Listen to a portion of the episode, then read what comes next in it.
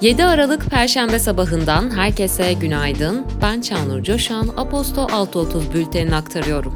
Bugünün bülteni Big Bang Startup Challenge ile birlikte ulaşıyor. Bu yıl hayalet, cesaret, yap mottosuyla geri sayımı başlatan Big Bang Startup Challenge, 12. edisyonunda da dünyadan ve Türkiye'den en iyi girişimcileri 13-14 Aralık tarihlerinde Unique İstanbul'da ağırlamaya hazırlanıyor. Ayrıntılar bültende. Türkiye İyi Parti lideri Meral Akşener, CHP'nin yerel seçimlerde bölgesel ittifak teklifini reddetmeleri üzerine yapılan eleştirilere adına ittifak dedikleri manda ve himaye tuzağına geçit vermeyeceğiz. Türk milletine ölümü gösterip sıtmaya razı eden bu maskeli baloya boyun eğmeyeceğiz ifadeleriyle yanıt verdi. Agos gazetesi genel yayın yönetmeni Hrant Dink'in cinayetinin tetikçisi Ogün Samast'ın tahliye edilmesinin ardından silahlı terör örgütüne üye olmamakla birlikte örgüt adına suç işlemek suçundan 10 yıla kadar hapis sistemiyle yargılandığı dava dün başladı. Cumhurbaşkanı Erdoğan bugün 5. Yüksek Düzeyli İşbirliği Konseyi toplantısı için Yunanistan'da Başbakan Kiryakos Mitsotakis ile bir araya gelecek. Bu 7 yıl sonra düzenlenen ilk Yüksek Düzeyli İşbirliği Konseyi toplantısı olacak. Anadolu Ajansı Erdoğan'ın ziyaretinin amacının ilişkilerde yeni bir sayfa açmak olduğunu belirtti.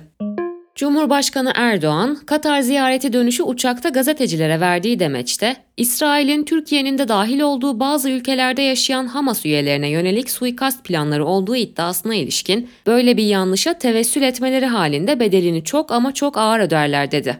Erdoğan, Netanyahu'nun uluslararası desteğini kaybetmeye başladığını belirterek her an iflas bayrağını çekebilir diye konuştu. İstanbul Planlama Ajansı İstanbul'da üniversiteli olmanın maliyeti raporunu yayımladı. Rapora göre 2023-2024 eğitim yılında devlet üniversitelerinde öğle yemeklerinin ücretleri yıllık %93,83 oranında arttı. Bir öğrencinin aylık yapması gereken market alışverişinin ücreti son 2 yıl içinde ise %113,29 artış gösterdi. Dünya İsrail'in Gazze'nin güneyindeki Han Yunus'a yönelik saldırıları devam ederken çarşamba günü bölgede Hamas'la çatışmaya girdiği aktarıldı. Reuters'ın haberine göre Hamas'ın silahlı kanadı İzzettin El-Kassam Tugayları çatışan İsrail ordusu bölgedeki çok sayıda yeri vurdu. Bölgedeki bir yetkili en az 45 kişinin öldürüldüğünü söyledi. ABD Dışişleri Bakanı Antony Blinken, Batı Şeria'daki İsrailli yerleşimcilerin Filistinlilere yönelik saldırılarına yaptırım uygulanacağını söyledi ve şiddetten sorumlu aşırılık yanlılarına vize yasağı getirildiğini duyurdu. Blinken, vize yasağının şiddet uygulamakla suçlanan Filistinliler için de geçerli olacağını vurguladı. Avrupa Komisyonu ve Avrupa Parlamentosu sürdürülebilir ürünlere yönelik eko tasarım düzenlemesi konusunda anlaşmaya vardı. Yeni düzenlemenin yürürlüğe girmesinin ardından 2 yıl içinde Avrupa genelinde satılmayan giysi ve ayakkabıların imha edilmesi tamamen yasaklanacak. Eski ABD Başkanı Donald Trump, 2024'te yapılacak seçimlerde başkan seçilmesi halinde ilk gün dışında diktatör olmayacağını söyledi. Tekrar ABD başkanı olursam diktatör olmayacağım diyen Trump, ilk gün ise başkanlık yetkilerini Meksika ile olan güney sınırını kapatmak ve petrol sondajını genişletmek için kullanacağını söyledi. ABD Hazine Bakanı Janet Yellen yaptığı açıklamada, Kongre'nin Biden yönetiminin Ukrayna'ya fon talebini onaylamaması halinde Ukrayna'nın yenilgisinden ABD'nin sorumlu olmayacağını söyledi. ABD Dışişleri Bakanlığı, ABD ve İsveç'in bir savunma işbirliği anlaşması imzaladığını duyurdu. Açıklamada İsveç'in NATO'ya katılım onayını beklerken askeri ittifaklarını güçlendirdiği vurgulandı. Ekonomi Hazine ve Maliye Bakanı Mehmet Şimşek, Kahramanmaraş merkezi depremlerden etkilenen bölgenin kalkındırılması amacıyla yaklaşık 2,4 milyar dolarlık dış finansman sağladıklarını bildirdi.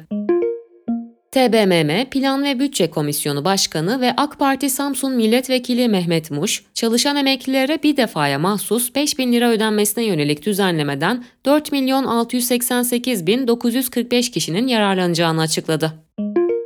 Fed'in zararı faiz artırımlarına paralel olarak artarken Kasım sonu itibarıyla 122,6 milyar dolara ulaştı. Mart 2022'de varlık alım operasyonunu tamamlayarak faiz artırımlarına başlayan ABD Merkez Bankası, Eylül 2022 itibarıyla zarara geçmişti. Almanya'da fabrika satışları Ekim'de aylık bazda %3,7 geriledi. Piyasa beklentisi %0,2'lik artış yönündeydi. Bu sonuç Almanya'nın büyük sanayi üstündeki olası toparlanmanın enerji krizi ve zayıf küresel talep sonrasında zorlandığını ve ekonomiyi daha da aşağı çektiğini gösterdi. İş dünyası ve finans Kasım ayında Türkiye Odalar ve Borsalar Birliği tarafından onaylanan sanayi kapasite raporu sayısı yıllık bazda %4,9 artışla 4873 oldu. En çok kapasite raporu düzenlenen iller İstanbul, İzmir, Bursa, Ankara, Konya ve Kocaeli oldu. Toplam çalışan sayısı da aynı dönemde %3,5 artışla 3 milyon 986 bin 827 olarak hesaplandı. Merkezi Kayıt Kuruluşu verilerine göre borsada yatırımcı sayısı Kasım'da yaklaşık 350 bin gerilerken bunun 101 bini 20-24 yaş arası yatırımcılardan oluştu. Söz konusu yaş grubu Ekim ayında ilk kez 1 milyon eşiğini aşmıştı. Devlet destekli ticari alacak sigortası sistemi kapsamında sisteme dahil olacak KOBİ'lerin ciro üst sınırı 500 bin liraya yükseltildi. Özel Riskler Yönetim Merkezi'nin bu tutarı her bir başvuru için %40'a kadar artırma yetkisi de %50 seviyesine çıkarıldı. Uludağ Otomotiv Endüstrisi İhracatçıları Birliği verilerine göre Türkiye otomotiv endüstrisinin Kasım ihracatı yıllık bazda %10,4 artışla 3,2 milyar dolar oldu. En fazla ihracat yapan ülkeler Almanya, İngiltere ve Fransa olarak kaydedildi. Türkiye'nin ihracatında ilk sırada yer alan endüstrinin sektörler arasındaki payı ise %13,8 olarak gerçekleşti. Teknoloji ve girişim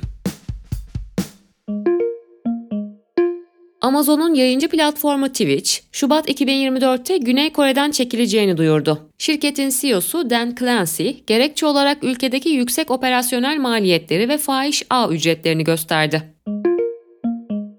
Elon Musk'ın yapay zeka girişimi XAI, 1 milyar dolara yakın gelir elde etmeyi hedeflediği bir halka arz için ABD Menkul Kıymetler ve Borsa Komisyonu'na başvuruda bulundu. Şirketin şu ana kadar 134,7 milyon dolar yatırım aldığı bildirildi.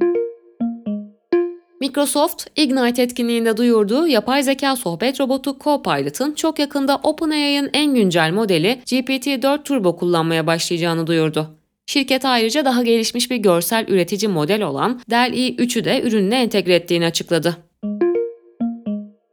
Avrupa Komisyonu Avrupa merkezli bir bulut bilişim projesi için 1,2 milyar avroluk kamu yatırımını onayladı. Projenin özel sektörden de 1,4 milyar avro yatırım çekmesi bekleniyor. Yetkililer projenin başlangıçta 1000 kişi için doğrudan ve dolaylı istihdam yaratacağını, gelecekte bu sayıya 5000 kişinin daha eklenmesinin beklendiğini vurguladı. Günün hikayesi, terörist eylemler ve kutuplaştırıcı söylemler.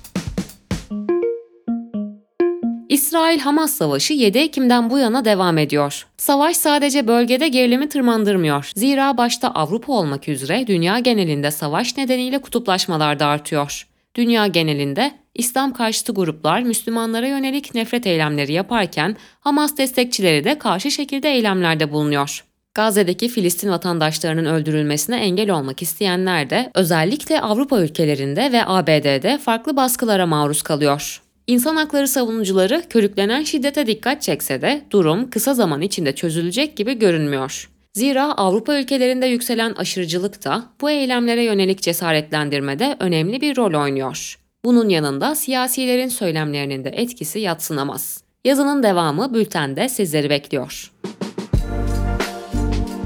Sevgili dinleyenler, 7 Aralık Perşembe günü bugün ben Çağnur Coşan Aposto Radyo'da 6.30 bültenini aktardım. Ve bugünün bülteni Big Bang Startup Challenge ile birlikte ulaştı. Yağmurlu bir İstanbul gününde sesimin ulaştığı herkese güzel bir gün diliyorum. Aposto Radyo'da tekrar buluşmak dileğiyle. Hoşçakalın.